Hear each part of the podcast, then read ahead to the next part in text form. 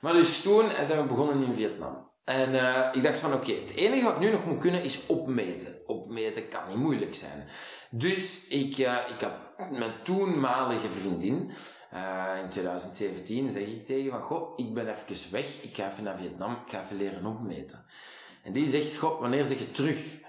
Ja, weet ik niet, hè. twee dagen, drie dagen. Langer dan een week zal het wel niet zijn. Ik moet leren hoe dat je met een lintmeter werkt. Allee, dat zal wel niet veel aan te leren zijn. Goed, toen ik terugkwam, was ik vrijgezel. Drie maanden later. Dus ik heb een drie, dikke drie maand, klein drieënhalve maand vastgezeten in Vietnam. Allee, vastgezeten, nee, ik zat daar niet vast, maar ik had iets van, ik ga er niet weg totdat ik het perfect kan. Bleek moeilijker te zijn dan ik dacht. Vietnam verlaten bleek dan op zijn beurt ook weer moeilijker te zijn dan ik dacht, want ik had een visum voor een maand. Welkom bij de Tim Tom Podcast. Ik ben Timothy. En ik ben Tom. Samen zijn wij jouw GPS naar geluk en succes. Ze zeggen wel eens: de kleren maken de man. Wel, dat is in het geval van onze volgende gast helemaal van toepassing. Wij zitten samen met Tommaso Bordoni. Zijn verhaal klinkt als een filmscenario. Als tiener belandde Tommaso op straat en overnachten deed hij bij vrienden op de sofa of in een leegstaand fabrieksgebouw. Vorig jaar werd hij bijna vermoord in Zuid-Afrika en vandaag mikt hij met zijn eigen merk Tommaso Bordoni op een omzet van maar liefst 1 miljoen euro. Hij vertelt tegen ons: Ik zei vroeger altijd dat ik zakenman of gangster wilde worden. Niet omdat die job me zozeer aansprak, het was de kledij van die mannen. Zij mochten in kostuum gaan werken. Wel, Tommaso is gangster geworden. Deze Antwerpenaar met een opvallend gedraaid snorretje ontwerpt luxe maatpakken en maakt jeansbroeken en schoenen op maat. En over gangsters gesproken, hij is de vriend van de enige echte Wolf of Wall Street Jordan Belfort en kleermaker van verschillende BV's. Het is een aflevering om duimen en vingers bij af te likken, met spannende verhalen en je wordt echt letterlijk meegenomen in een rollercoaster van emoties, vol boeiende en inspirerende anekdotes. Veel luisterplezier. Welkom in onze podcast, uh, Tommaso. Dankjewel, Tim en Tom. Heeft het uh, gevonden? Ik heb het gevonden, na eerst in de verkeerde stad te zitten. Een foutje in mijn agenda, maar uh, ik heb het gevonden, ja. Er zit hier een, uh, ja, hoe zullen we het zeggen, charismatische verschijning voor ons, Tom. En heeft een mysterieuze koffer meegenomen. Ja. Ah ja, mysterieuze koffer. Daarin zitten mijn stoffen gewoon. We zijn benieuwd. Ja, heel schone stoffen. De auto ligt ook nog vol, maar ik dacht, ik ga toch wel iets meepakken. Dan mocht de beat niet te veel in het weer lopen. Vandaar. Ja, stoffen. Uh, mensen denken nu, nu ja, Tommaso stoffen, denken, oké, okay, is dat iemand dat je komt kuisen of zo? Of, uh, vertel een keer, wie is Tommaso? Iemand dat komt kuisen moet stof meepakken en niet, niet, niet naar hier brengen. Hè. Dat is ook wel, het is wel nodig trouwens, Tom, in ja. de studio. Het is hier kraak net, zeg. Ja, ja, ik heb hem net gekuist. Ik wist wie dat kwam. Tommaso Bordoni. Ik dacht van, uh, ja, moet me even uitpakken. Hè, nu. Goh, ja, wie ben ik? Uh, hoe moet ik dat... Goh, ik ben daar niet zo goed in mezelf beschrijven. Ik ben Tommaso Bordoni. Ik ben 30 jaar geworden in december. Ik vond het verschrikkelijk. Ik was liever een twintiger. Maar goed. Um, en ik ben de eigenaar van het, samen met mijn twee zakenpartners uiteraard, van het kledingmerk Bordoni. En Bordoni, die naam is zeer ver gezocht. Die komt van Bordoni, mijn achternaam. um, en dus um, wij maken kleding op maat. En dat is eigenlijk wat wij doen en we gaan daar heel, heel, heel ver in. Dus hetgeen wat dat ons onderscheidt van eender wie, is dat je bij ons niks kunt kopen wat al bestaat. Alles wat een klant van ons koopt, al is dat een riem, wordt specifiek voor die klant gemaakt. Dus dat is... En alles wordt ook... De klant maakt ook alles zelf. Dus dat is net het coole. Dus als jij als je nu naar, ik pak nu een riem als voorbeeld, want een riem is echt iets toe. Hè. Mm. Een riem is een riem en een riem, je pakt een riem uit het trek en je koopt de riem, je betaalt de riem en dat is uw riem. Hoe dat, dat bij ons werkt, je gaat kiezen, ja, de maat uiteraard, want die wordt op maat gemaakt.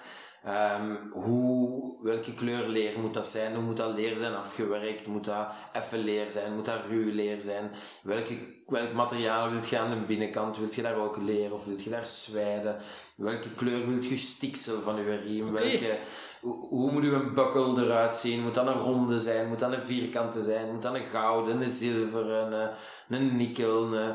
Dus je stelt elk detail bij alles wat dat wij maken zelf samen. En dat maakt ons merk, vind ik, net zo cool. Dat je gaat nooit iemand tegenkomen dat het Bordeaux niet iets heeft en daarna iemand tegenkomen dat hetzelfde heeft. Dat gaat nooit kunnen gebeuren. Ja, en uw ogen fonkelen ervan. Ja. En uh, van waar die passie, wist je al als, als klein jongetje, ik word kleermaker. Nee, ik wou gangster worden of zakenman. Dat, Dat was... is een beetje hetzelfde dan. Je, je, hebt beide, je hebt beide geprobeerd? Of, eh? Ja, ik heb beide geprobeerd, ja. nee, nee. eh, dus ik wou gangster worden of zakenman. Vertel, kun, kun je ons eens vertellen over je verleden als zakenman? Hoe dat? Ah, je zegt, ik heb alle twee geprobeerd. Nee, nee, maar dat was, ja. nee, dus, eh, dus hoe dat het, hoe dat het, eh, hoe dat bij mij is gekomen, ik was altijd gepassioneerd door kostuums, door maatpakken. En als klein manneke, wie draagt er kostuums? Ja, de maffia draagt kostuums uiteraard, maar de, de grote meneer, de directeur van het grote bedrijf, draagt ook een maatpak. Dus ik moest een van die twee kunnen worden, want in mijn hoofd, of dat je nu gangster of zakenman waart, s ochtends om 7 uur zou je wekker gaan en moest je vertrekken naar je werk. Dat is, hè, een kind bekijkt dat anders. Nu weet ik dat dat voor die zakenman effectief waar is en dat die gangster kan uitslapen tot de middag. Lijkt wel wat hij doet, hè. Maar, Voilà, inderdaad. Maar dus, die passie van kostuums, die was er altijd al. En ik wou gewoon in een kostuum naar mijn werk. Wat ik precies deed, dat maakte me niet uit. Ik wou in kostuum gaan werken. En dat was gekomen, ja. En dan mijn opa, die droeg altijd kostuums. En van hem is die passie ook zo een beetje ontstaan. Ehm, en dus die passie van kostuums die is er eigenlijk altijd al geweest. Ik heb mijn eerste kostuum dat ik heb gekregen, dat heb ik van hem gekregen. Dat was in Italië. En mijn eerste kostuum dat ik heb gekocht, dat, dat, dat was in Leuven, dat was in de CNA. Er waren er twee in één keer. Een zilver en een zwart blinkend. Ongelooflijk een fout. galabal. eh. Wat? Je had ergens een galabal. Nee, nee, nee. Ik was, Eerste communie? nee, ik Eerste was, ik was 14 jaar of zo, denk ik. Ik had dat voor mezelf gekocht. Dat was 99 euro voor een driedelig pak. Dus dat was 198 euro voor twee kostuums. Ik had dat dan zelf bij ingesprokkeld. Ehm er waren twee verschrikkelijk lelijke kostuums van de CNA. Maar goed, ik was dan toch wel fier, want ik had mijn eigen kostuums. Ik had er dan al... Ja, ik had er twee, want dat, derde, dat eerste, daar paste ik dan niet meer in. En dan, naarmate dat ik ben beginnen werken en geld ben beginnen verdienen, ben ik ook gewoon meer en meer kostuums beginnen kopen. En dan ben ik, hè, dat is dan de korte versie, ben ik uiteindelijk met Bordeaux niet het kledingmerk begonnen, aanvankelijk als kostuummerk. Kostuums op maat. Maar dan ben ik beginnen verder denken van, oké, goed, hemden op maat, ja, dat is het logische vervolg. Schoenen op maat, oké, dat is ook vrij logisch. Een riem, ja, dat is eigenlijk vrij algemeen. Waarom is dat nog niet op maat? Dan moeten we ook riemen op maat hebben. Goh, hoe zit dat met jeansbroeken? Ja, jeansbroeken. Oké, we willen ook jeansbroeken gaan doen, maar dat moet ook op maat. En nu binnenkort, maar ik heb nog geen datum om het te lanceren, dus niemand weet het eigenlijk zelfs nog niet. Eh, binnenkort beginnen wij met onze grootste uitbreiding dat we tot nu toe hebben gedaan. En dat is met t-shirts, polo's, rolkragen, v-nekken, pulletjes, alles, alles, alles. Maar weer al ook op maat. Dus dat En klanten uniek. alles- Uniek. Allemaal unieke stukken. Cool, hè? Ja, en heb jij dan een opleiding gevolgd als kleermaker? Of was dat eh, op jezelf een beetje... Op mezelf. Op mezelf. Gewoon op jezelf? Ja, ik maak het ook, allee, ik maak het niet zelf, simpelweg omdat dat niet gaat. Eh, tijdsgewijs. In één kostuum van ons kruipt ongeveer 80 uur werk. Dus als de ik... moeite. Als, ja, dat is de moeite. Dus als ik ze zelf moet maken, dan kan ik vier klanten per maand gaan bedienen. Ja, dan, dat is ook niet de bedoeling, uiteraard. Dus de naaisters maken alles. Ehm, zelf, hetgeen wat ik zelf doe, van, het, eh, van de craft, om het zo te noemen, is de opmetingen. Oké. Maar eh, het is niet altijd gelopen gelijk dat het was. Want ja, als je even je naam intikt, zie je soms zo van die tot de verbeelding sprekende titels. Dakloze tiener wordt succesvolle ondernemer. Dus Ja. je hebt er twee jaar dakloos geweest. Daar ben ik wel een keer. En nu zit ik hier zo'n vierde man en je hebt twee jaar, met manier van spreken, onder de brug geleefd. Nee, niet onder een brug. In een leegstaande fabriek.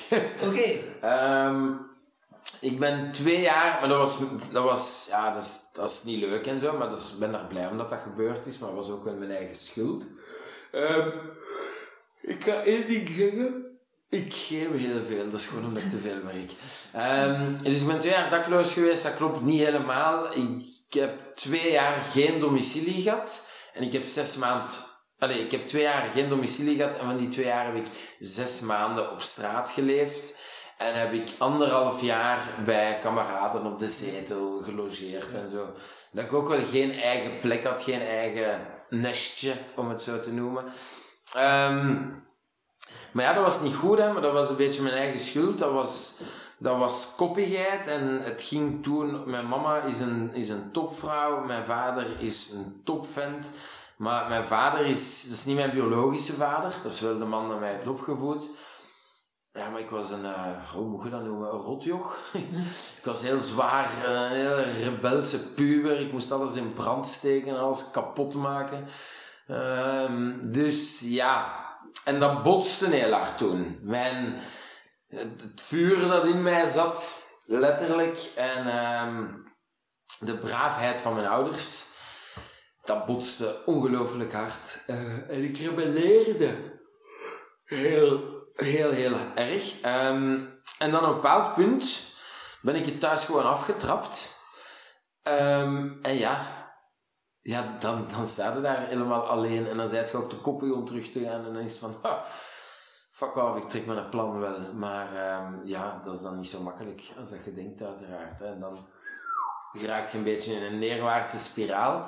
Maar goed, kijk, ik ben eruit geraakt. Yes! Ja. Dat is waar.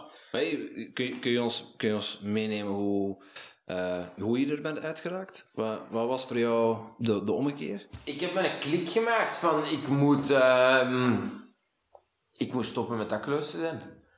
En dan de week daarna had ik een. eh, ja, dat is gewoon een mindset. Nu, ik heb wel heel veel chance, denk ik, dat ik wel heel goed kan verkopen ook. Want vanaf dat ik de beslissing heb gemaakt, heeft het een week geduurd en ik had een appartement, ik had terug een gsm, ehm, ik, had, eh, ik had een vaste job. Het is eigenlijk allemaal heel snel gegaan. Dat was ehm, via iemand dat ik kende en die werkte bij een bedrijf dat in een telecom zat. En daar heb ik dan gezegd van kijk, eh, regel mij daar een afspraak met die een baas. En dat is gelukt en dat is allemaal heel snel gelopen. Dan ben ik in een appartementje gestoken geweest. Ik had mijn vast contract direct en dan, en dan was het gedaan. Dat is heel frappant hoe rap dat, dat gegaan is. Want ik weet ook dat dat niet voor ieder... Allee, ik weet niet voor iedereen, goh, dat is zelfs fout gezegd. Ik weet dat dat voor 99% van de daklozen niet zomaar een optie is. Maar ja, ik was nog piepjong. Ik was 17 jaar. Ehm goh, ja, ik, was, ik, was nog, ik, was, ik was een kind. Allee, ik, ik, ik was nog fris, ik was nog monter. Ik was... Ja, dus dat is wel heel, heel was gegaan. eh, uw koppigheid uiteindelijk Ja. dat er voor gezorgd Ja. dat je daar zat. Inderdaad. En ik las er dan ook bij, ik denk in hetzelfde artikel, je bent dan ook een keer bijna vermoord geweest. Maar dat was niet hetzelfde artikel, dat was een ander artikel. Ah, ja, ja, ja. dat was een pittige, hè? En het gelezen, het artikel. Niet volledig. Ik zag gewoon een titel. Ik zeg, ik ga eh, blanco blad. Ik zeg, ik hoef het niet te weten. Ik zeg, ik hoor het al liever uit Thomas in de mond zelf Ja, zeggen. dat is, dat is, dat is een verhaal, zeg man. hè. Ja, alles. Dus, ik zal beg- moet beginnen met het begin. Ja, graag. Ja, graag. Oké, dus. Ik zit op café, ehm, ergens in zo'n een of andere jeugdkroeg. Hoe eh, oud zei je dan? Mm, Hoe oud was ik toen? Goh, dat moet drie jaar geleden geweest zijn. Dus ik was 27. Ehm, en dat was in... Ergens in Vietnam. Ik denk in, ik denk in, in Ho Chi Minh of zo, of, Nha Trang of ik weet het niet. Ergens in Vietnam. Ik zat op café, ik was een pintje aan het drinken. Het café zat goed vol, ik zat alleen op café. Ehm, en daar passeert zo een koppel. En dat koppel zegt van, eh, ik zie die kijken dat er geen plek is. En het zat ook helemaal vol trouwens. Ik zeg, maar hey, hey, hey, ik zie dat je niets wil drinken, zet jullie bij mij. Hey, gezelschap, plezant. En wij hebben de avond samen gedronken en elkaar leren kennen, zalig koppel. En dan zijn we aan de praat geraakt. eh, en ja, ze zei ja, wat dat zij doen, wat dat ik doe. En dus, ik heb gezegd van ja, ik doe kostuums en dit en dat. Als je ooit een kostuum nodig hebt, laat mij maar iets weten. Oké, dat is goed. We zijn eh, anderhalf jaar geleden of zo en die stuurt mij een bericht van ja, ik ga trouwen, ik heb een kostuum nodig. Ehm, en ik zeg oké, goed. Dus ik spreek daarmee af. Eh, die komt naar België. we meten die op. We gaan, naar Af- eh, we gaan naar Oostenrijk voor de eerste fitting te doen. Dan de kleinere toesjes nog uitvoeren. Het pak is klaar en dan moest dat kostuum nog worden afgeleverd. Op zijn trouwdag zelf. En hij trouwde in Afrika.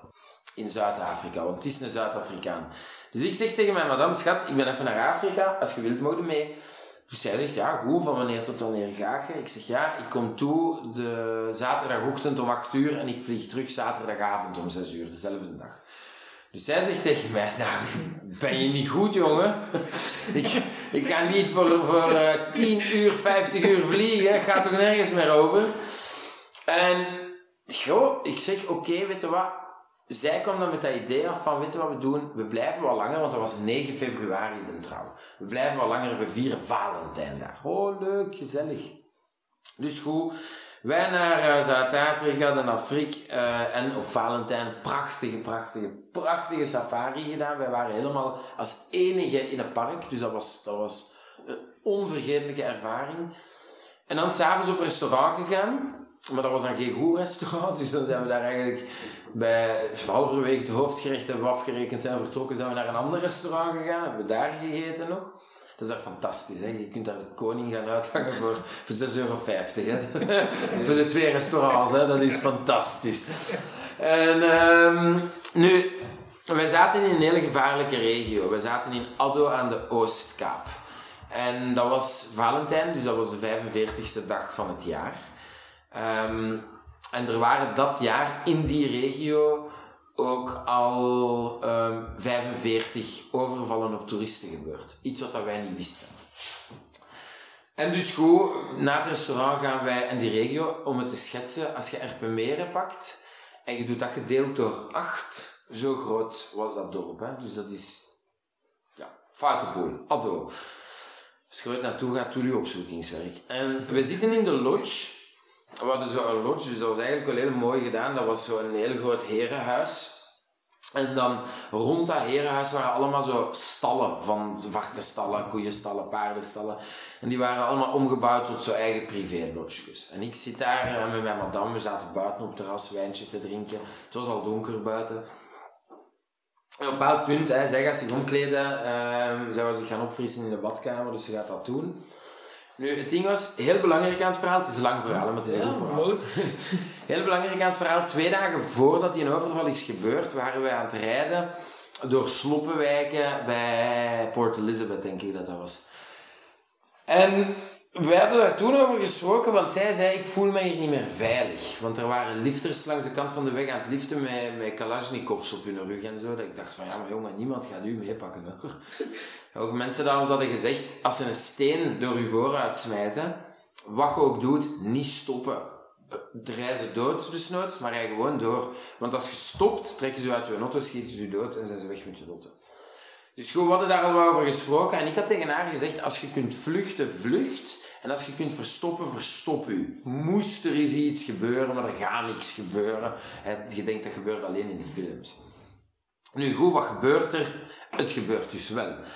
Ehm, zij gaat de badkamer binnen, ze gaat zich wat opfrissen, zij is net uit de douche en ze was nog aan het whatsappen met haar opa. Anders was ze al uit de badkamer gekomen, dus fantastisch goed dat ze nog aan het sturen was. Normaal kan ik daar niet zo goed tegen dat ik zo lang moet wachten op haar altijd, maar toen heeft het wel haar leven gered.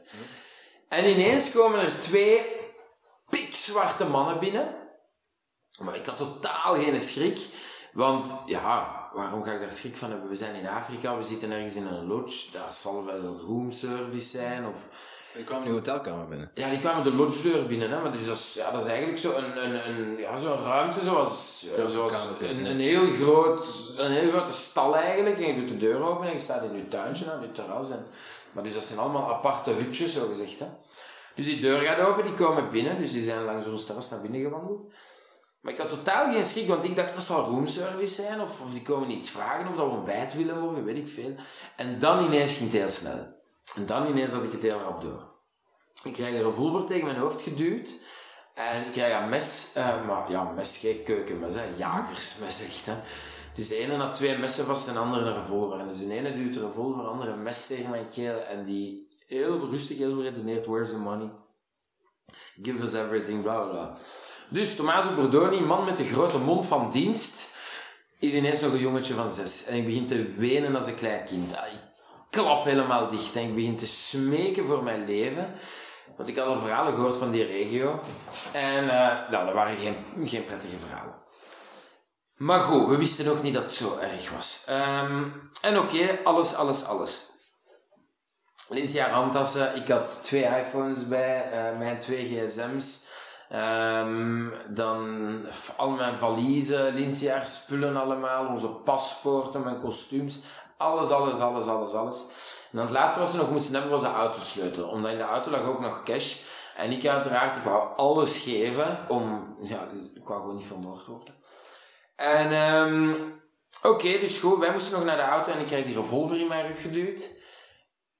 En dat was eigenlijk dat was een heel raar moment. Dat is een moment, dat is een gevoel dat je niet kunt beschrijven, tenzij dat je het hebt meegemaakt. Maar een gevoel wat dat je nooit gaat vergeten.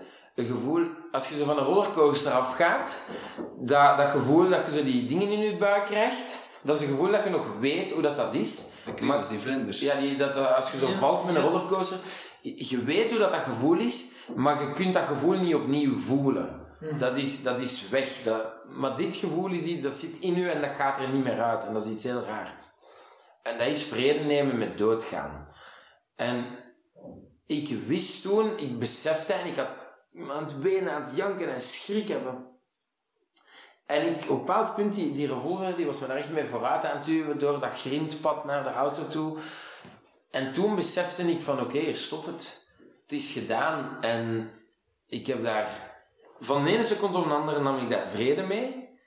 En dat was, dat was iets heel, heel vreemd. Want in één keer word je gewoon... Woesa. Je wordt gewoon super zen, super rustig. Het is allemaal oké, je gaat mee. Wat er gebeurt, gebeurt er. En het was ook vooral omdat ik wist, ik ga nu sterven, maar dan gaat Lindsay het wel overleven. Want als ze nu schieten, en ze schieten mij dood, dan maakt lawaai, want ze hadden geen geluidsdemper. Dan is zij tenminste veilig. En dus ze komen aan de auto en zij, zij zijn aan het sukkelen, want ze krijgen hem niet gestart. Het waren geen hoogopgeleide jongens. En de auto dat ik gehuurd had, dat was een, een Volkswagen, maar dat was een automatiek. Uh, een automaat. en um, hij kreeg het niet in gang, dus hij roept iets op zijn maat dat mij nog altijd onder schot houdt op dat moment. En die maat steekt op dat moment zijn hoofd in een auto. En um, dan was het gewoon mijn lichaam dat dat beslist heeft, want ik zelf had daar niks mee te maken. Maar ineens, mijn bovenlichaam draaide om en mijn benen volgden en ik denk, Usain Bolt had mij niet kunnen bijhouden. Ik heb nog nooit in mijn leven zo opgelopen. En ik kom dus aangelopen aan de lodge. Op dat moment komt Lindsay, mijn uh, verloofde trouwens, is kort, net naar buiten gelopen. Wenend, want ja, we zijn al drie minuten weg. Die, die, die, die heeft ook iets van, ja, oké, okay, ze hebben zijn keel overgesneden of weet ik veel. Die, die gangsters wisten niet dat zij in de badkamer zat, of? Dat weten we niet of ze dat wisten, maar we denken van niet. Zij had, zij had het gehoord, ze had zich schuilgehouden. Ja, zij had het dus allemaal gehoord en zij had wat zij gedaan. Haar gsm kon niet meer op stil, want er zat zand in van op die trouw van die klant in dat, in dat ding om stil te zetten, zat zand tussen. Dus zij was aan het sturen met haar opa, dus zij gewoon dat volume zoveel mogelijk naar beneden en dan haar gsm in een handdoek gewikkeld, verstopt achter het toilet, zodat ja, dat, dat, dat, dat we dat tenminste nog hadden. Maar dus, zij komt net naar buiten gelopen, al wenend op het moment dat ik kom aangelopen aan de lodge. En ik loop haar gewoon los voorbij. En in het voorbijlopen steek ik mijn arm uit naar achter, grabbel ik haar vast aan haar haar. en heb ik haar gewoon mee naar binnen gesleurd, de badkamer terug ingestampt. En langs de achterdeur van de badkamer zijn we zo gevlucht. Nu, die achterdeur van die badkamer, zij had daar ook door kunnen vluchten, maar zij wist al, dat was een krakende deur, want we hadden die al eens gebruikt. Dus ze dacht, ik ga geen geluid maken. En dan, ja, dan begon de miserie, hè, want dan zit je ineens vast in, in Afrika zonder paspoorten, zonder bankkaarten, zonder niks. Dus we hadden dan met haar gsm een post gedaan op Facebook om hulp te vragen.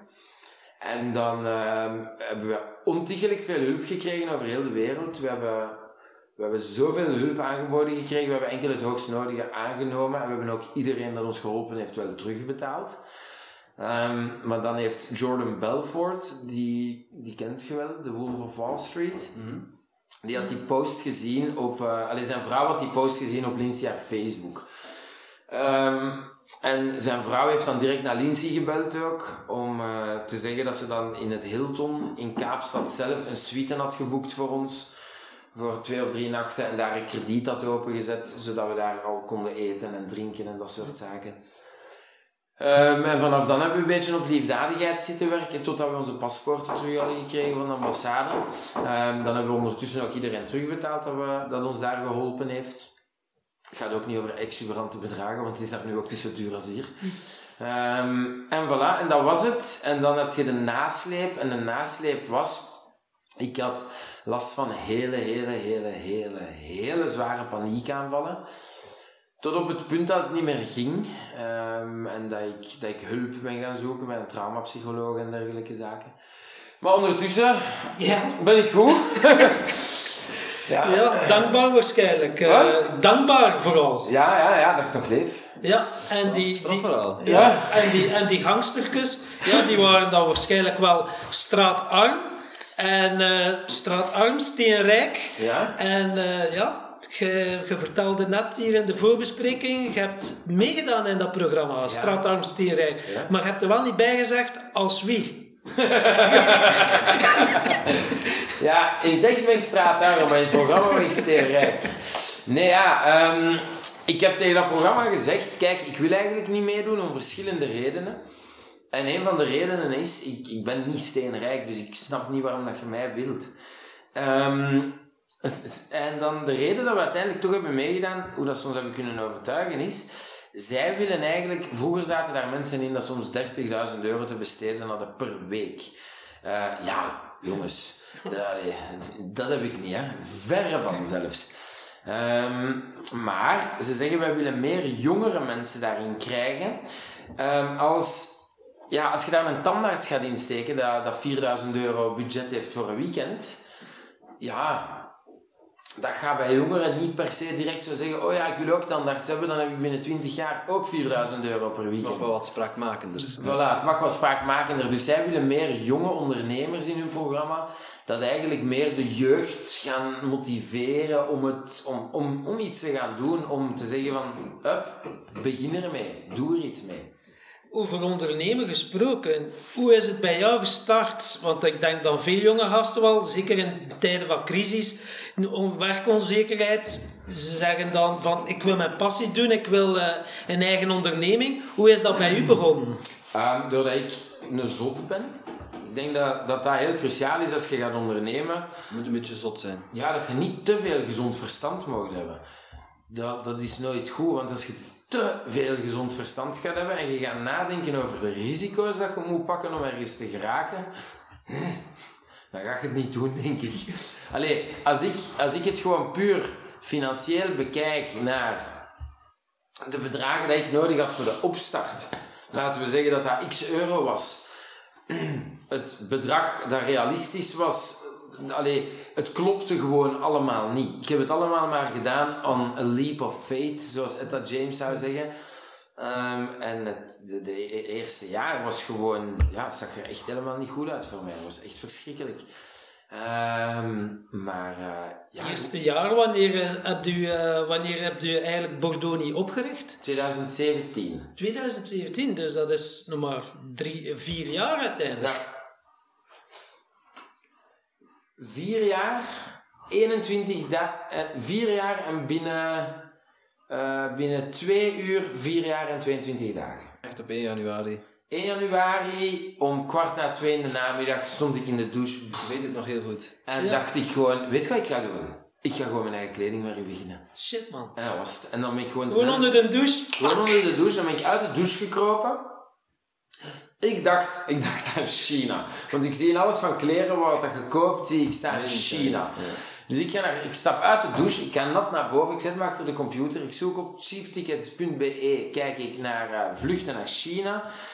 En dezelfde avond um, kon ik nog vertrekken naar Chengdu. Um, en dan is zo'n spoedvisum aanvragen, dat is gewoon een documentje dat je online invult en dat is in orde. En ben ik s'avonds vertrokken naar Chengdu. En ben ik toegekomen in de luchthaven in Chengdu en dat was het moment dat ik besefte, wat, wat doe ik hier? Waarom, waarom ben ik hier? Ik, ik ken hier niks, ik weet hier niks zijn, ik heb hier ik heb niks voorbereid. Heb ik van op de luchthaven een vlucht teruggeboekt. Dan ben ik teruggekomen naar België. Je bent daar gewoon op de luchthaven geweest? Jij bent daar gewoon op de luchthaven. Ik ben de luchthaven heb ik niet verlaten zelfs. En dan ben ik, ja, teruggekomen in België. En dan met een huisgenoot die zei, eh, dat was rap. Zijn al klaar? ik zeg, nee, nee, we gaan opnieuw beginnen. Uh, en dan ben ik Misschien moet ik een plan hebben. Ja? Misschien moet ik een plan Misschien hebben. moet ik een plan hebben. en dan ben ik research beginnen doen. Stoffenleveranciers, dit en dat. En dan dacht ik, oké, simpel, geen probleem. Ik ga die gewoon even bezoeken. Ik maak daar afspraken mee. Ik zoek mij ergens een pand waar ik naaimachines kan zetten. Ik zoek mij wat naaisters en we zijn vertrokken. Goh, een week. Anderhalve week gaat dat duren. Uh, dat, Om dat op te zetten. Ja, dat dacht ik. dat is uiteindelijk... Goh, het zoeken naar de leveranciers en fabrikanten is het duurste en het meest intense jaar van heel mijn leven geweest. Want dat was vluchten, dat was s ochtends een meeting in Portugal, s'avonds doorvliegen naar Taiwan, daar dan twee dagen zitten. Vandaar dan naar Vietnam, daar vandoor weer naar Marokko. Dat heeft een half jaar geduurd. Uh, dat was... Dat was Heftig. eenzaam en intens. Maar goed, ik heb heel veel verschillende cafés gezien, dus dat vond ik wel heel plezant. um, en heel veel lekker eten, heel veel lekkere landen. Dat is nu mijn missie, hè, om mijn uh, verloofde mee te pakken naar elke plek dat ik ooit geweest ben. Oh, um, en dus, ik mis eigenlijk, dat is dus heel raar. Nog eventjes geduld. Ik ja. kan zo van die momenten hebben dat ik die gewoon ineens begin te missen. Dat is en ik mooi, denk, dat is mooi. waar is die? Um, en dan ja, beginnen opzetten, alles beginnen uitzoeken en dan oké, okay, goed. Ik dacht oké, nu ben ik klaar. Ik heb een productielijn opgestart in Vietnam toen. Hè, nu, ondertussen zit onze productie al lang niet meer daar. Nu zitten wij, alle productie van kleding is in Marokko en alles van lederwaren is in Spanje. Een beetje dichter bij de deur. Maar dus toen zijn we begonnen in Vietnam. En uh, ik dacht van oké, het enige wat ik nu nog moet kunnen is opmeten. Opmeten kan niet moeilijk zijn. Dus ik, uh, ik had mijn toenmalige vriendin, uh, in 2017, zeg ik tegen van, goh, ik ben even weg, ik ga even naar Vietnam, ik ga even leren opmeten. En die zegt, goh, wanneer zeg je terug? Ja, weet ik niet, hè. twee dagen, drie dagen, langer dan een week zal het wel niet zijn. Ik moet leren hoe je met een lintmeter werkt. Allee, dat zal wel niet veel aan te leren zijn. Goed, toen ik terugkwam, was ik vrijgezel. Drie maanden later. Dus ik heb een drie, dikke drie maand, klein drieënhalve maand vastgezeten in Vietnam. Allee, vastgezeten, nee, ik zat daar niet vast, maar ik had iets van, ik ga er niet weg totdat ik het perfect kan. Bleek moeilijker te zijn dan ik dacht. Vietnam verlaten bleek dan op zijn beurt ook weer moeilijker te zijn dan ik dacht, want ik had een visum voor een maand. Daar had ik totaal geen rekening mee gehouden. Dat was, dat was, dat was ook een grappig verhaal. Ik kwam aan op de luchthaven en... Mocht een bak in. Uh, wat? Hij mocht een bak in. De... Ja, ja, nee, ze wouden mij aanhouden. En dus uh, die uh, douaneambtenaar zegt van... Ja, yeah, sorry, call police, you illegal. Two months, two months illegal. Police, police. Ik zeg, wow, wow, wow, wow wacht even. Want uiteraard... Als je dat voor hebt aan de douane in Brussel, ja oké, okay, dan heb je een probleem. Vietnam is nog steeds Vietnam, hè. Dus um, ik vraag uh, van, ja, maar kan ik u niet gewoon... Kan ik u niet betalen gewoon? En, uh, oh, no, no, no, no, no, no work here. Ik zeg, ja, maar ik heb nog cash op zak, vriend. Amash, amash. En ik begin mijn geld te tellen. Ik had 800.000 op zak. 800.000 Vietnamese dong. En Ja, dat geen- is geen omgezet. En dat is, goh, als schiet je mij dood, ik weet het niet meer. Ik denk 20 euro of zoiets. Mensen moeten maar een keer googlen hoeveel uh, euro's het is. Ik kan het eens uittellen. En dat was voor die mannen uiteraard. Wow, ja, dat was, dat is daar een week in komen bijna in Vietnam. Eh hier, zeg, ik heb, die, ik heb nog altijd zo'n app op mijn gsm voor, in het buitenland. Ehm, VND is dat, hè? Vietnamese dong. Ja. Dus ik kan wc, want... Ja. Dus 800.000. Oké, de Vietnamese dong is gestegen. Dat is 28 euro 56 cent. Kijk eens dan. Ik dacht dat 23 was toen. Maar goed. En dan zo wel weggeraakt. En dan, ehm, en dan was ik terug en dan ben ik begonnen. Tof, hè? Dat was het. Dat is heel tof. Maar dan, oké, je hebt die kleren. Maar dan is het wel belangrijk dat je cliënten hebt, natuurlijk. Ik had die kleren niet, hè? Ik had Ah, geen ja. kleren. Ik had stoffen. De stof. Ja, ik ja, had de stoffen. Ja. De kleren moesten gemaakt worden, maar daarvoor had ik eerst de klanten nodig. Ja. Dan ben ik, eh, heb ik een kostuum verkocht aan de Lenny, die in het restaurant in, ehm, in Kortenberg. Op Bergens de Prijs heette dat. En ik ging daar eigenlijk, ik ben daar een hele lange tijd heel veel gaan eten.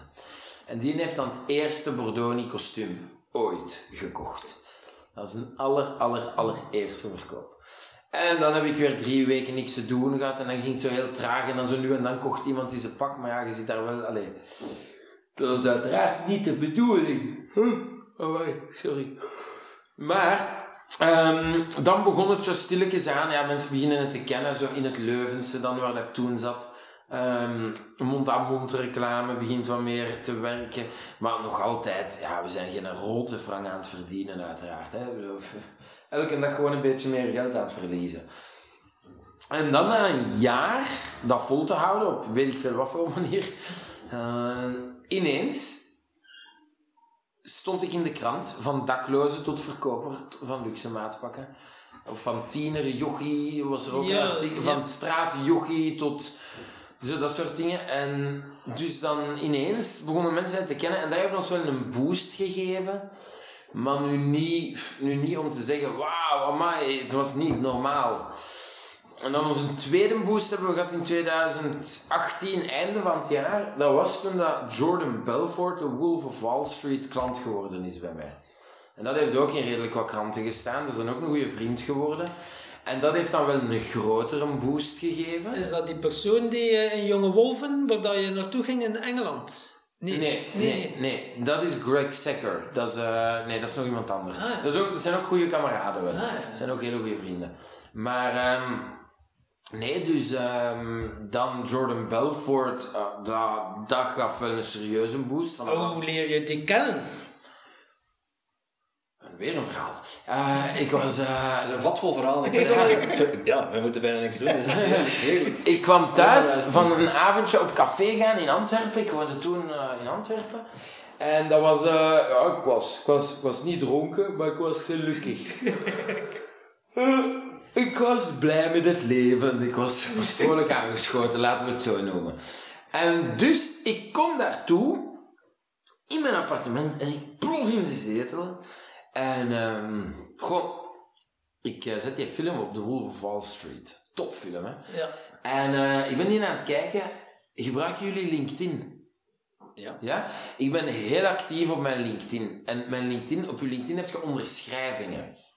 Hè, dus als jij daar als vaardigheid post- podcast zet, kunnen mensen aanduiden, ah, Tim en Tom zijn goed in podcast. Dan duwen ze op plus. En als 30 mensen dat gedaan hebben, dan staat daar... Ja, ja, ja. endorsements. Dan staat daar bij podcast 30. En dan kan iemand anders zien, amai, die zijn 30 keer onderschreven op podcast, die moeten wel goed zijn. Dus ik dacht, hoe cool zou dat zijn als Jordan Belfort mij zou onderschrijven voor tailoring. Als Jordan mij zou endorsen. Dus ik in mijn zat en heb die een bericht gestuurd op LinkedIn. om te zeggen dat ik naar zijn film aan het zien was, dat ik het geweldig vond. Ehm, in het kort mijn leven, van dakloze naar mijn eigen kledingmerk. En of dat hij mij alsjeblieft niet zou willen onderschrijven en dat ik een grote fan ben en dit en dat. En twee dagen later stuurt hij het terug. Ehm, dat is het e-mailadres van mijn manager. Mail me daar. Maak een afspraak en eh, kom naar L.A. En dan drie dagen later, dan was het woensdag, eh, zat ik bij zijn thuis in de living. Allee, joh. Ja. Om- Om hem op te meten. Om hem op te Om meten. kennis te ja. maken, En hij heeft toen, dat was zijn eerste bestelling, heeft een vier kostuums gekocht. hè. Dus ja, dat was de eerste keer. Dus ehm, ja, plezant hè, om voor hem een kostuum te Zeker. kunnen maken. Ehm, Een bekend figuur. En heb je endorsement uiteindelijk gekregen, klinkt het? nee, die heb ik uiteindelijk nog, nog nooit gehad. Dat heeft hem nog altijd niet gedaan. Maar hij is wel heel content van zijn pakken. Er is onlangs een foto van een bekende fotograaf genomen van Jordan. En die foto is geveild geweest. Die foto is verkocht voor 200.000 euro. En op die foto heeft hij een kostuum van mij aan. Dat is een hele bekende, een super bekende fotograaf uit New York. En dat is een foto van hem met allemaal halfblote vrouwen met een wolf. Super chique foto wel. Ehm, maar dus, super cool allemaal. En uh, ja, dan daardoor de media-aandacht dat hij heeft gekregen, is het weer beter beginnen gaan. Hij heeft weer een stapje naar omhoog gegaan. En dan, sinds Jonge Wolven eigenlijk, is het eigenlijk volledig ontploft. Er zijn ontploft dus- zelfs? Ja, ontploft. Er zijn gigantisch veel nieuwe klanten bijgekomen. Maar die zijn dan ook weer op hun beurt allemaal super content van de kwaliteit. Dus daar komen dan ook weer ja. superveel nieuwe, nieuwe klanten uit voort. Hè. En ook BV's, want ik zag eh, bij Jonge Wolven, Peter van den Begin is ook wel een klant bij jou. Ja, ja, Peter van den Begin is klant. Uh, Adil en Bilal hebben ook allebei kostuum van Bordoni. Veronique de Kok heeft ook een uh, mantelpak van Bordoni. Uh, Vincent Panic, Babulens. Um, ehm, ja, we hebben, we hebben er wel veel, ja. Een indrukwekkend lijstje van Vlaanderen, ja. Ja, we hebben er... Dus eigenlijk, de alcohol heeft ervoor gezorgd dat je nu zo'n leven hebt. Goh, ja, ik, ik, ja, de alcohol. ik leer heel veel, leerde in uh, lang vervlogen tijden, toen uh, de zon nog scheen, het nog sneeuwde met kerst en de cafés nog open waren. In de jaren 1800 enzovoort. toen ging ik nog op café en daar leerde ik gewoon superveel mensen kennen. Ik ben gewoon echt helemaal, ja, ik ben een babbelkoud en ik ben heel open. Ik heb van niks of niemand schrik in de zin van, ik spreek eenderd wie dat mij er een interessant persoon uitziet, ga ik aanspreken. En ja, dan leert je kei veel mensen kennen. Hè. Dat is dat is automatisch het gevolg. En dan, ja, wat doe je? kostuums. Ah. En dan zit er daar wel geregeld bij van, goh, oh, mijn, mijn broer die trouwt binnen drie maanden. En huppakee. En dan voordat je het weet zit hij van op het café samen met zijn broer, met heel de suite, bij u op kantoor. Huppakee. En... De beste marketing die je kunt hebben. Ja, dat is echt waar. Hè. Dat is zot, hè. Dus uw marketingkanaal is eigenlijk het eh, lokale café. Ja, dat was dat, hè. Nu is, nu is dat een televisie. en de podcast. En de podcast, voilà. Ja, nee, nu is eigenlijk... Het, het grootste komt uit, uit mond-aan-mond reclame. Dat is, dat is het beste dat er is ook, hè. Omdat... Mond-aan-mond reclame, mensen onderschatten het belang daarvan in de zin van ik heb al heel veel mensen horen zeggen: Godverdomme, mijn factuur van Telenet hij was veel te hoog, die klopt helemaal niet, dit en dat, ik moet daarvoor bellen. Of ik heb al heel veel mensen horen zeggen: van, Goh, mijn gsm-factuur van Proxim is veel te duur, dat wordt je geregeld. Dat, dat, dat gebeurt. Mensen klagen nu eenmaal graag. Ik durf te wedden dat er nog heel weinig mensen zijn dat ooit al iemand hebben horen zeggen: Goh, amai, Telenet echt topbedrijf. Hè. Facturatie super overzichtelijk. Die een nieuwe interfaces hebben gemaakt. Fantastisch. Heel gemakkelijk om mee te werken. En een heel ruim assortiment aan films in hun Playmore store. Hè. Fantastisch, hè? Dat gaan mensen niet zeggen, hè? dus dat is net het ding met mond-aan-mond reclame. Als je een klant zo ver krijgt en zo tevreden krijgt, dat hij uit zichzelf positief over uw bedrijf gaat praten tegen anderen, ja. Dan zeg je iets goed aan het doen, hè? Ja, fans creëren uiteindelijk. Ja, ja, ja, zo'n beetje, ja. Ja, inderdaad, ja, ik vind dat, ja, ik, zou daar een ander woord voor vrienden maken. Ja, vrienden maken. Ja, vrienden ja. maken. Ja, dat is wel mooi. Dat zijn dan vrienden van Bordoni. Dat zijn niet alleen uw persoonlijke vrienden, maar ook vrienden van uw... Van de vennootschap, van, de, zaak, van het, van het merk, van de ideologie, van, de, van onze kleren. Hè. Dat is ook gewoon, wij merken dat mensen dat kleren bij ons kopen. En dat is nu niet om te stoeven, maar dat is echt waar. Mensen die een jeansbroek van ons hebben gehad, die kopen geen andere meer. dat, is, dat is echt frappant om te zien. Al onze klanten, al onze klanten, komen allemaal terug. Allemaal. Dat is fantastisch. Nu een heel persoon, ja, ik denk kleermaker, dat, ja, voor zo'n broekje of een vestje, dat gaat waarschijnlijk honderden euro's kosten. Is het ook voor de modale man? Ja. Goh. Ja, we hebben, we hebben veel modale mannen, natuurlijk. Ja, het hangt er vanaf wat je zelf bereid bent om uit te geven. Hè. Als je een broek draagt van van eh, Seven for All Mankind of zo, dan zit je al zit je aan 200 euro, 250, 300. Als je Jacob Cohen draagt, dan zit al tussen een 350 en een 500. Goh, wij zijn een kostuum bij ons. Wacht, hè, ik zal in prijsvolgorde werken. Hè? Van goedkoop naar duur. Het goedkoopste is een riem. een riem komt op 140 euro. En dan hadden twee kostuums voor bij de CNA. eh. Nee, anderhalf. ja, maar ja, dat is CNA dan. Hè. Ja, dat is ook geen echt leren. In de CNA, als je daar een riem koopt. Nee, dus een riem begint vanaf 140 euro. Allee, is 140. Een hemd is 150 euro. Je kunt dan wel al zeggen, goh, voor een hemd is dat wel veel geld. Goh, dat vind ik persoonlijk niet. In de zin van, wij komen op afspraak aan huis, waar dat jij ook woont. Woonde jij in Timbuktu toe, dan komen we naar Timbuktu toe. We meten nu helemaal op. Dat hemd wordt volledig op maat gemaakt. Je stelt dat volledig zelf samen. Je kiest elk detail van je hemd. Dat hemd wordt helemaal vanaf nul met de hand voor u gemaakt, naar uw maten, met de knopen dat jij kiest, het stiksel dat je kiest, waar dat je je initialen wilt, welk lettertype.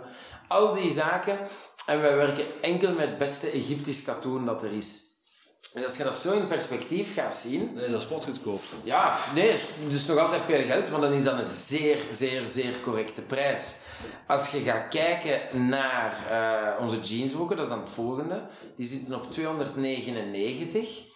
Dat is dan eigenlijk al aan de goedkope kant. Waarom? Wij gebruiken dezelfde denim als dat Jacob Cohen gebruikt. Dus naar stofkwaliteit zitten wij op dezelfde kwaliteit als een merk dat 200 euro meer rekent. En we komen naar huis en we maken het volledig op maat. Je stelt het zelf samen. Je kiest je knoppen, je kiest je, je stiksels, je kiest je zakken. Alles stellen we zelf samen. Dus in dat perspectief zijn onze prijzen zeer schappelijk. Maar dus, waar zaten we? Riem 140, hemd 150, ehm jeansbroek 299. Schoenen beginnen vanaf 307, maar dat hangt er dan heel hard vanaf. Zeg jij bijvoorbeeld, goh, ik wil basketbal sneakers hebben, maar dat moet volledig in alligator. Ja, dan zit je al boven de 1000 euro. Ja. Wilt jij een schone geklede kostuumschoen in prachtig kalfsleer, met, met een patina, dan ga al naar 480. Moet dat zonder een patina, dan zit je terug op die 307. En dan het volgende zijn de kostuums.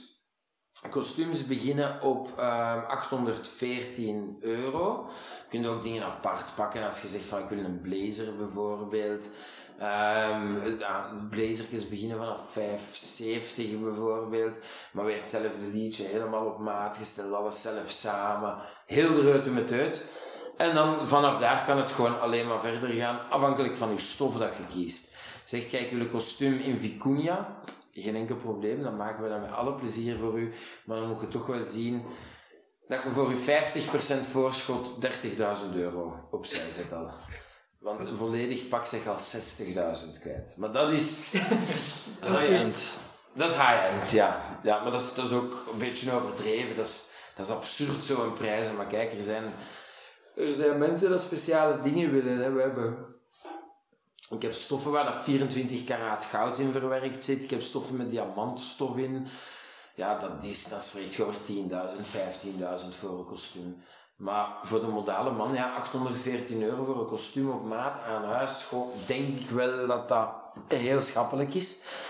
Ehm, nu, gemiddeld zitten ze daar wel wat boven. Gemiddeld komt je wel meestal uit op een 1000 euro, maar dat, dat ligt enkel en alleen aan, aan wat dat de klant van stof kiest. Want ehm, het leuke is ook, als je dus iets koopt en je hebt je stof gekozen, of je hebt je leer gekozen, dan zeggen wij je prijs. En dat is dan uw prijs. En dan beginnen we aan het samenstellen.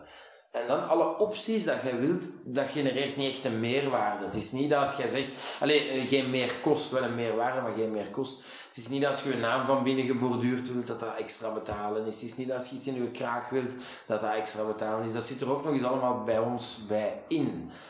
Het ding is uiteraard wel, zegt jij, ik wil massief gouden knopen ingelegd met diamanten. Dan, eh, Moeten we ons onderhandelen. dan stuur ik je door naar Grand Diamonds in Antwerpen of zo. Dan moeten we een, een schone diamantaire gaan zoeken. Maar dat kunnen we uiteraard niet doen in die 800 euro. Snap je? Daarvoor, we, hebben ook, we werken met partners. voor dingen dat wij dus zelf... Er zijn zaken dat wij zelf niet kunnen. Dus we hebben bijvoorbeeld... Goh, zaken dat te gespecialiseerd zijn. Ik zeg nu maar iets, manchetknopen bijvoorbeeld. Veel mensen willen dat erbij. We hebben zo'n partner in Antwerpen, Grand Diamonds heette die. En die doen voor ons dan bijvoorbeeld alles van, van bespoke jewelry, diamanten, trouwringen, dat soort zaken.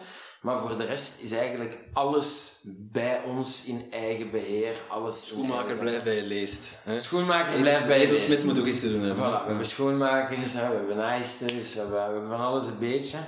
Ehm, maar dus dat, eh, dat is, dat is voilà, dat was, je vroeg wat dat kostte. Ja, dat het is wel uitgelegd. heel mooi eh, uitgelegd. Normaal gezien, onze podcast beginnen we altijd met een vraag van de vorige gast. Ik zie ze hier toevallig hangen. En ik ga ze een keer stellen. Het komt van een professor zelfs, van de, die gespecialiseerd is in de klinische psychologie, was het, hè? Ja. En die vroeg zich af, heeft de coronacrisis voor u iets veranderd in de manier waarop je zin probeert te geven van het leven? Nee. Daar zit de man met zijn verhalen. Eens? Heeft de coronacrisis voor u iets veranderd in de manier waarop je zin probeert te geven aan het leven? Oeh. Eh, hoe dat ik zin probeer te geven aan het leven. Goh. Ik probeer zin te... Ik moet eerst zoeken hoe dat ik zin probeer te geven aan het leven, om dan te weten of dat de coronacrisis iets verandert. De juiste volgorde. Ja. Het heeft... Nee, ja, ik moet... Ja, het is ja, juist de volgorde. Hoe probeer ik zin te geven aan het leven? Wat de hel, jongen. Daar heb ik nog nooit over nagedacht. Mijn leven is zo ongelooflijk druk dat dat dingen zijn waar ik niet eens over nadenk. Ben ik nu al dan niet gelukkig. Ehm, hoe dat ik zin probeer te geven aan het leven door...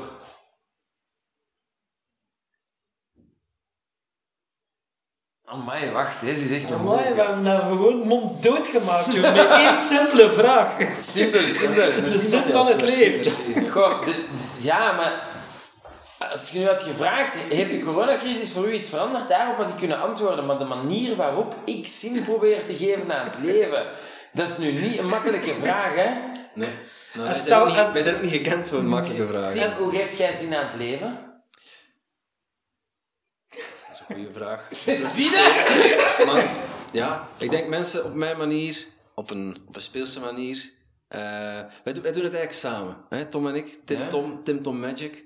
En voor mij is dat ja, mensen op een, op een speelse manier wakker schudden in hun potenties en ze de kans geven van hun leven. Voilà. Nu jij?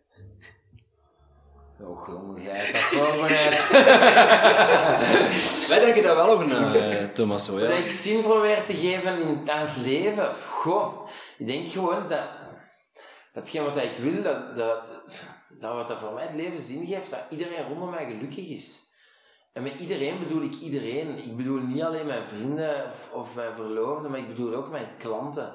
Dat is voor mij, denk ik, waar dat hem in zit. Dat als mensen het vertrouwen in mij leggen om, om eh, dat mensen het vertrouwen in mij leggen om hun te kleden op de voor hun belangrijkste dag van hun leven op dat moment, dat ik die mensen gelukkig kan maken, ik denk dat dat mijn leven wel zin geeft. Dat dat, als ik zo iemand voor een kostuum zie staan, voor, in de spiegel zie staan, en naar zichzelf kijken voor de eerste keer met zijn nieuw pak, de blik, ja wel, dat is het, de blik dat ik krijg op het gezicht van mijn verloofde als ik thuis kom, van mijn vrienden als ik ze lang niet heb gezien, en van mijn klanten als ze zichzelf de eerste keer zien met mijn kleren. Dat is het. En heeft dat iets veranderd? Sinds de corona? Goh, nee, eigenlijk niet. Ja, ik zie mijn verloofde minder en ik zie meer klanten. dus ja, haar gezicht heeft meer impact. Maar dus in verhouding heb ik meer gezichten van klanten om haar gezicht minder te zien wat te compenseren. Dus nee, dat heeft, dat heeft niet echt iets veranderd. Maar dat heeft mij wel doen nadenken. En dat was, dus de vraag heeft wel zin gehad. Ja, kijk, je hebt weer een verhaal bij zich. Als mensen nu vragen, wat geeft u zin in het leven, zie? Ja, het is... Ja. eh, Het is mooi ook, hè, mensen gelukkig maken. mensen... Ja. Of gelukkig, ja, eigenlijk mensen gelukkig maken. Ja. Inderdaad, dat is fijn. Laten, eh, zoals eh, noemt hij Tom Hergots zei, laten shinen. mensen laten, zichzelf laten, Ja. laten Wie is. Tom Hergoed? is eh, een van onze ja, onze gasten. podcastgasten, en- en- psychiater. en- fan van de podcast. Ja, psychiater. Vriend van de podcast, moeten we En hij rijdt met een Porsche en zijn nummerplaat zit in zijn achternaam. Hij noemt Tom Hergots. Een god. God Ja, met een Porsche. inderdaad. Ah, is dat die ene van Vanity Plates? Ja, ja, Ah, ja, ik klopt. heb dat gezien. Ja, ja, inderdaad. Er zaten wel speciale nummerplaten bij. Welke nummerplaat zou jij nemen? Als je zou mogen, een keer zou Bordoni. mogen zo doen. Bordoni. Ja, Ja. dat is eigenlijk. en daar heb je nog niet? Nee. Nee, nee, maar mijn camionet is langs alle kanten gestickerd. Je kunt er niet Je naast kunt er niet kijken. naast kijken, dat heb ik ook gezien. Nee. Je kunt er niet naast kijken. Nee, ik zou voor Bordeaux niet gaan. Goed, we hadden het net over die diepzinnige vraag. Ehm, ja, laten we niet gelijk terug naar de oppervlakte duiken. Laten we nog wat onder water snuisteren Ja. daar. Eh, jij maakt mensen graag gelukkig. Ja. Eh, maar wat betekent geluk voor jou? Wat voor definitie zou je dan geven?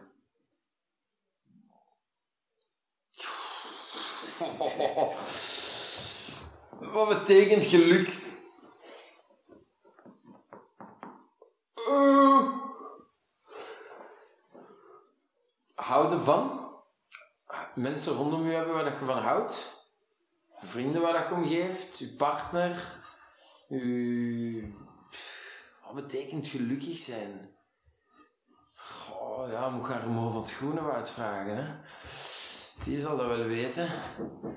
Wat betekent gelukkig zijn? Gelukkig zijn betekent. Ik denk dat je dat niet weet wat, wat gelukkig zijn betekent. Ik denk dat je daar niet op kan antwoorden. Dat je dat echt niet weet. Ik weet ook niet of ik gelukkig ben. Dat... Ik kom s'avonds soms wenend, wenend thuis. Omdat gewoon zo'n uitputtende, zware dag geweest is. Want als je bij je klanten zei of dat je nu doodmoe bent of niet, je moet E-game behouden. Hè?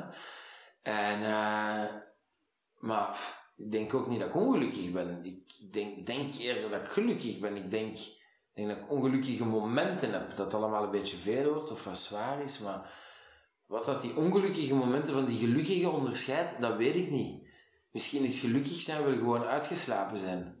Misschien is dat gewoon wel hetzelfde. Niet? Zou kunnen, hè? Zou kunnen. Zou maar kunnen. Ja, want... Als voor, als voor jou eh, uitgeslapen zijn voelt als gelukkig zijn, dan is dat voor jou de definitie van geluk. Hè? Ja, ik weet dat ik mijn moeilijke momenten heb. Als ik, als ik nachten heb gehad dat ik heel slecht heb geslapen, dan, dan ben ik de volgende dag precies niet gelukkig.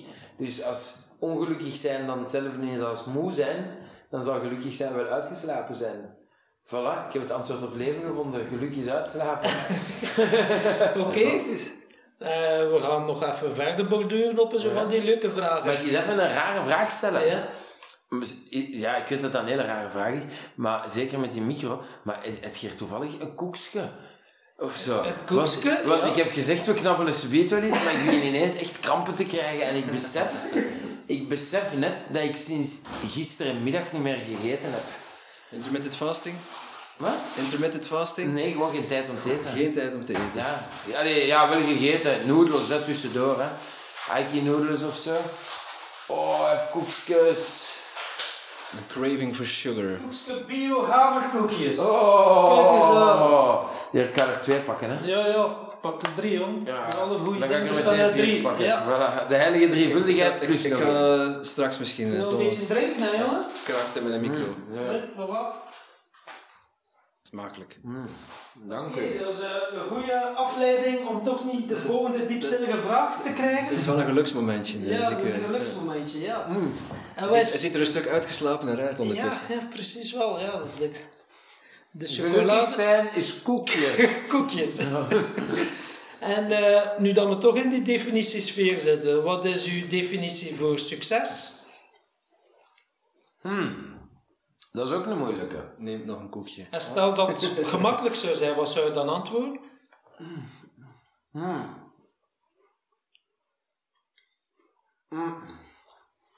ja doe, doe maar rustig. Kan ik deze naar binnen en dan antwoord ik? Denktijd, hè.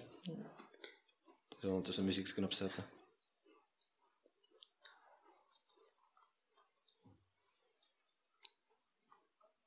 Succes is voor mij het bereiken van een bovengemiddelde prestatie door middel van hard werk. Een bovengemiddelde prestatie. Ja. Wat is voor jou bovengemiddeld? Mm, Iemand dat succesvol is, is ehm, Simon Nuiten. Simon Nuiten is de tweede stem van Bazaar. Samen met Mathieu Terrein, de, de zanger van Bazaar. Die zijn succesvol en die hebben een bovengemiddelde prestatie geleverd. Die zijn... Iedereen dat bekend is, is niet bekend geboren. De Peter van den Begin is succesvol. Ehm, maar die is ook naar sollicitaties moeten gaan. Die is ook alleen naar, ehm, naar hoe noemt dat voor? Ja, ja, ja. Audities Uit- moeten gaan. Er moet voor gewerkt worden. En als je door middel van hard werk iets kunt bereiken, ehm, dan denk ik dat je dat kunt zien als succes. Maar succes, bovengemiddelde prestatie, voor mij is dat dat. Ik, succes kan Goh, nee, ja, ik denk wel dat dat eigenlijk echt wel algemeen succesvol is. Ik dacht te, ik dacht te zeggen, je kunt ook zeggen, ik, ik ben heel rijk, want ik ben heel gelukkig met mijn gezin en met mijn vrouw en met mijn kinderen. En, en dat maakt mij heel rijk. En dat is inderdaad, dat is, dat is een, een verschil. Allee, ja, je kunt dat verschillend interpreteren al naar gelang de persoon. Dantje van de buren gaan weer los. Maar wat een verschrikkelijke hond. dat is Ja, César. Amai. César. Ehm, en dus ja, ik denk bij succesvol is eerder oftewel zeg je wel succesvol oftewel niet, hè? Nee? Eh, Maar dat ja. is mijn opinie maar weer, hè? Ik weet Ja, niet of dat in, de is, hè? je- definitie die je net gegeven hebt, wel, ja. Klopt. Bovengemiddelde prestatie. En lever jij bovengemiddelde prestaties, vind jij? Ja, ik heb al drie koekjes op op twee minuten. Ik vind dat zeer bovengemiddeld. Bovengemiddeld. Het record ligt op vier. eh. Het record in onze podcast ligt op vier, dus... eh, Dat is een record. Gelijktijdig wel. Ja. Dat ga ik niet doen. Ehm, sorry, wat was de vraag? Ik weet het niet meer. Of, ja, ja, of jij van jezelf vindt dat je bovengemiddelde prestaties levert. Ja. Ja, dat vind ik wel. Kun je dat toelichten? Ja. Ehm, goh, ik, ik, ben, ik ben, zonder arrogant te zijn, ik ben echt wel heel trots op wat ik heb uitgebouwd, wat ik bereikt heb. Ehm, ik heb het ook niet alleen gedaan, ik heb het niet zelf gedaan, ik ben de eerste om dat toe te geven. Je moet je altijd omringen met mensen dat, waar dat je van kunt leren. Ik heb twee zakenpartners dat mij ook heel veel dingen bijleren. Nog steeds, elke dag. Ehm, maar ja, ik ben wel trots op wat ik bereikt heb. En ik, ik, ik ben er ook nog niet waar dat ik wil. Maar ik vind wel dat ik heel goed op weg ben. Wat zijn je ambities? Waar, waar zie je, wanneer zou jij volmaakt succesvol zijn? Heb je daar een beeld bij? Ja. Ah, nu gezicht? Ja, Kijk ja, eens ja, ja. Ja. Nu komen we ergens. Maar ik durf het niet te zeggen op de podcast. Ah, we zetten hem wel even af. Knippen dat wel uit. Ja, ja. maar dus een laatste koekje. ja daarna zijn ze op, dus eh je hebt geen keus. Nee, past. Mijn beeld, dat ik heb, maar dat is een onnozel beeld, maar dat zit al als klein kind in mijn hoofd. En dat is een droom, een recurrerende droom. Ah. Ah. En die droom is het volgende. Ik word wakker. En ehm, in mijn gigantisch bed. En naast mij is zo'n klein ding, ding, ding, ding, zo'n belletje. Zoals, eh, zoals in het hotel staat. En ik rinkel op mijn belletje. En James, de butler, komt mijn kamer binnen. En die man heet dan waarschijnlijk niet echt James, hè? die noemt dan Renaat of zo. Maar ik noem die dan James omdat ik een butler heb en dat klinkt leuker. Ehm, en dan zeg ik, James, Wilt je je gordijnen open doen, alsjeblieft? Oh. En dan doet James de gordijnen open. Ik kom uit bed, Uitgeslapen? uitgeslapen. En ik kijk naar buiten en de vogeltjes chilpen. En ik kijk over mijn domein uit. En ik zie mijn zebras grazen. Zebras. Als ik daar bereik, dan heb ik het spel dat het leven is uitgespeeld. Mijn kasteel met mijn zebras. Wauw. Dus dat is eh, een mooie visie. Dus als we hier in de, in de tuin bij Tom in de wei zebra's zetten, dat zou bijna al compleet zijn dan. Dus dan de butler nog en het Nee. grote bed. Want de zebras moeten gelukkig zijn. Ah, ze moeten wel op een steppen. Ja, ik wil mijn domein met mijn kasteel, met mijn... Dat is niet zo... Dat, ah, ik krijg dat er niet meer uit, hè. Ja, bij mij is het to- toch wel al een beetje die droom. Want als ik naar buiten kijk, zie ik zebra. Eh, een zebrapad, maar... Ook, hoe weet je of een zebra gelukkig is? Want die ziet de wereld misschien altijd in zwart-wit. nee, het is een prachtige visie. Maar volgens mij ben je ook wel iemand eh, die dat gaat bereiken. Ehm, Ik denk het ook. als ik, ja, ik heb jou nu verschillende verhalen horen vertellen. Wat ik er uithaal, ja, de buren zijn niet alleen, hebben niet alleen een lastige hond, maar zijn ook parket aan het leggen. Ah, Dat is heel tof, zo, als je een podcaststudio hebt. en ze weten dat jullie bezig zijn. Nee, denk ik. Hoop ik. Anders zou het wel heel eh, erg zijn. Ja, Tom weet wel wanneer de buren bezig zijn, overigens. Maar dat, Ja. ja. dat is, eh, ja, ja. Ehm, maar ja, ik heb, ik heb je al een paar keer dingen horen zeggen van dat je een duidelijk beeld hebt en dat je er dan ook 100% voor gaat. Ja. Ik, ik, ik hoor jou over eh, ja, de hele wereld overvliegen om een kostuum te maken. Ik bedoel, dat rebelse kantje zit er misschien nog wel steeds een beetje in, want wat is er mis met confectie? Ja, Hè? Misschien heel veel zul jij er ja maar ja, dat is nu gewoon niet wat ik wou beginnen. hè. Nee, maar dat, dat staat niet in jouw beeld, in jouw visie. Eh, ja, ik moet kleren leren opmaken, even leren opmeten. Ja. Ik ben, eh, ben drie dagjes weg tot eh volgende week. Ja, ik ben drie maanden weggebleven. Het perfect moet zijn, hè. Ik vind altijd, als je iets doet, dan doe je het goed of je doet het niet. Heel simpel. Je moet niet iets gaan doen wat je niet kunt doen. Dat is toch... Ik kan daar ook niet tegen. Als iemand met mij een afspraak maakt dat hij iets gaat doen... En, ehm, en die doet dat niet, omdat hij het dan achteraf niet blijkt te kunnen doen. Ja, dat, dat, dat, nee, nee, nee. Oftewel doe je iets wel, oftewel doe je iets niet. Nu, het ding is wel, ik, kan, ik, heb dat alleen maar bij zaken dat me echt interesseren dan wel weer.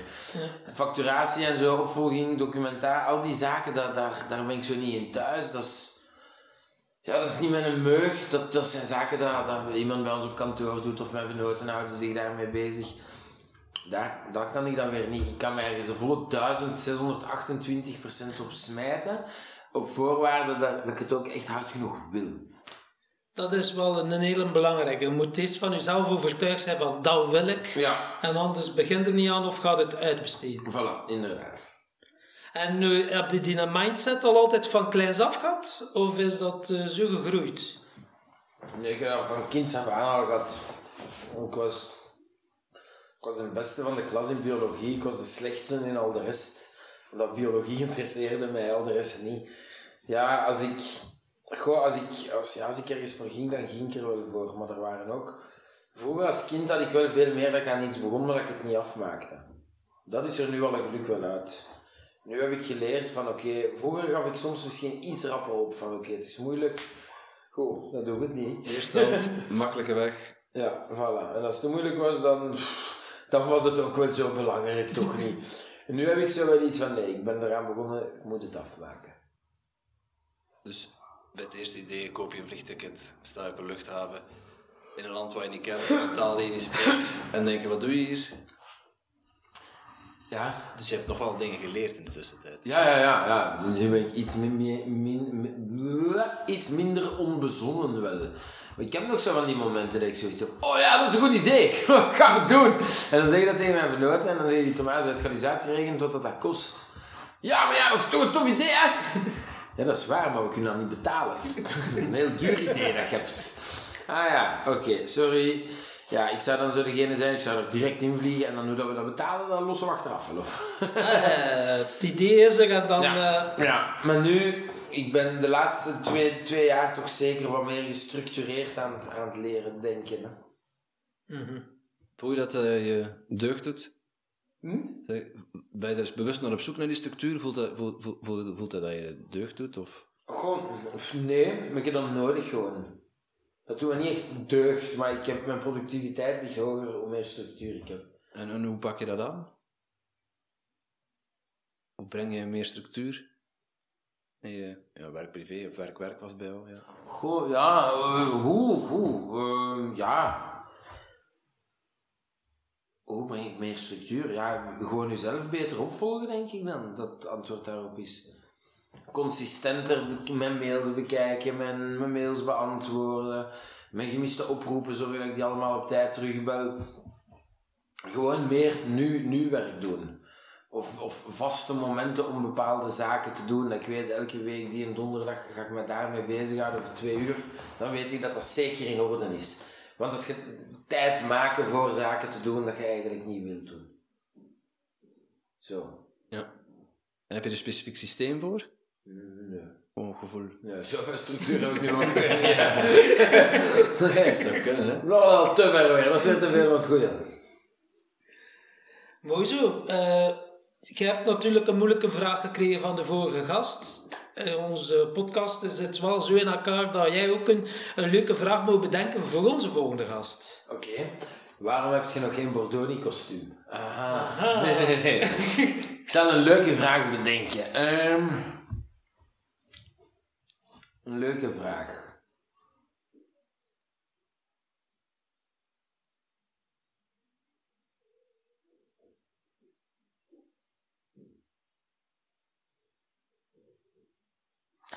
Moet het een vraag zijn?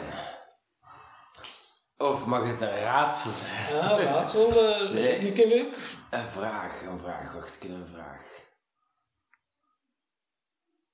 Ik vind het heel moeilijk om een vraag te stellen aan iemand dat ik niet weet wie het is, snap je? Uh-huh. Maar dat is de hele clue waarschijnlijk. net, hè? Ja, maar stel nu dat het gemakkelijk zou zijn, wat zou je dan, welke vraag zou je dan stellen? Ça va? ik zou vragen... vraag, ja. Ik weet wat ik wil vragen. Vertel het ons. Wat is gelukkig zijn? Oké, Want dat is hetgeen waar ik geen antwoord op vond. in eerste instantie nu opvond. Ja, maar... nu, Ja, uitslapen. Maar ik wil daar een andere... Een andere... Een andere visie op. Want ik geloof dat er meer achter kan zitten als... Er zit een vooral voor het uitslapen natuurlijk. Ja, ja. Wat is gelukkig zijn? Wat maakt... Nee, wat maakt dat jij gelukkig bent? En wat zijn de drie belangrijkste punten dat niet mogen wegvallen om dat geluk weg te halen? Voilà, dat is oké. Heel mooi. Is het opgenomen? Ja, opgenomen. Het staat even op de harde schijf voor eh, een paar uurtjes. Ja. Voilà. Heb jij tot slot nog een, een toffe wijsheid of een quote of een, tip of een boodschap een die je... toffe wilt- mededeling. Ik ben verloofd. Cool, hè? Ja, Ja, proficiat. Ik- Proficiat, ik heb, ja. eh, na ganse dagen trouwkostuums te maken voor Jan en alle man, Heb je er zelf in nodig? dacht ik, goh, ga toch zelf ook maar eens doen. Hè. Ja, ik heb mijn madame ten huwelijk gevraagd middernacht met nieuwjaar. Ik wou dat nog even kwijt. Ik ben Dat heel blij is- dat ik dat gedaan heb. Maar wel dat moment, misschien was dat wel gelukkig zijn. Goh, zie, ik ga er straks vertrekken. Ik ga dagen zitten mijmeren over wat dat geluk precies is. Hè. Laat het ons vooral ook weten als je het gevonden hebt, want wij zijn ook, weten. en onze luisteraars zijn ook benieuwd hoe je het vindt. eh. Ja, ik laat het jullie zeker weten. Ja, de buren zijn hier met een boel aan het afbreken. Ja, zijn, Eh, aan de, ik we denk, zijn aan de eh, buitenmuren begonnen. we gaan het hier afronden. Goed, dankjewel. eh Dankjewel. eh, De heren, bedankt een- mij uit te nodigen. Ik vond het heel gezellig. nu gaan ze echt wel extreem.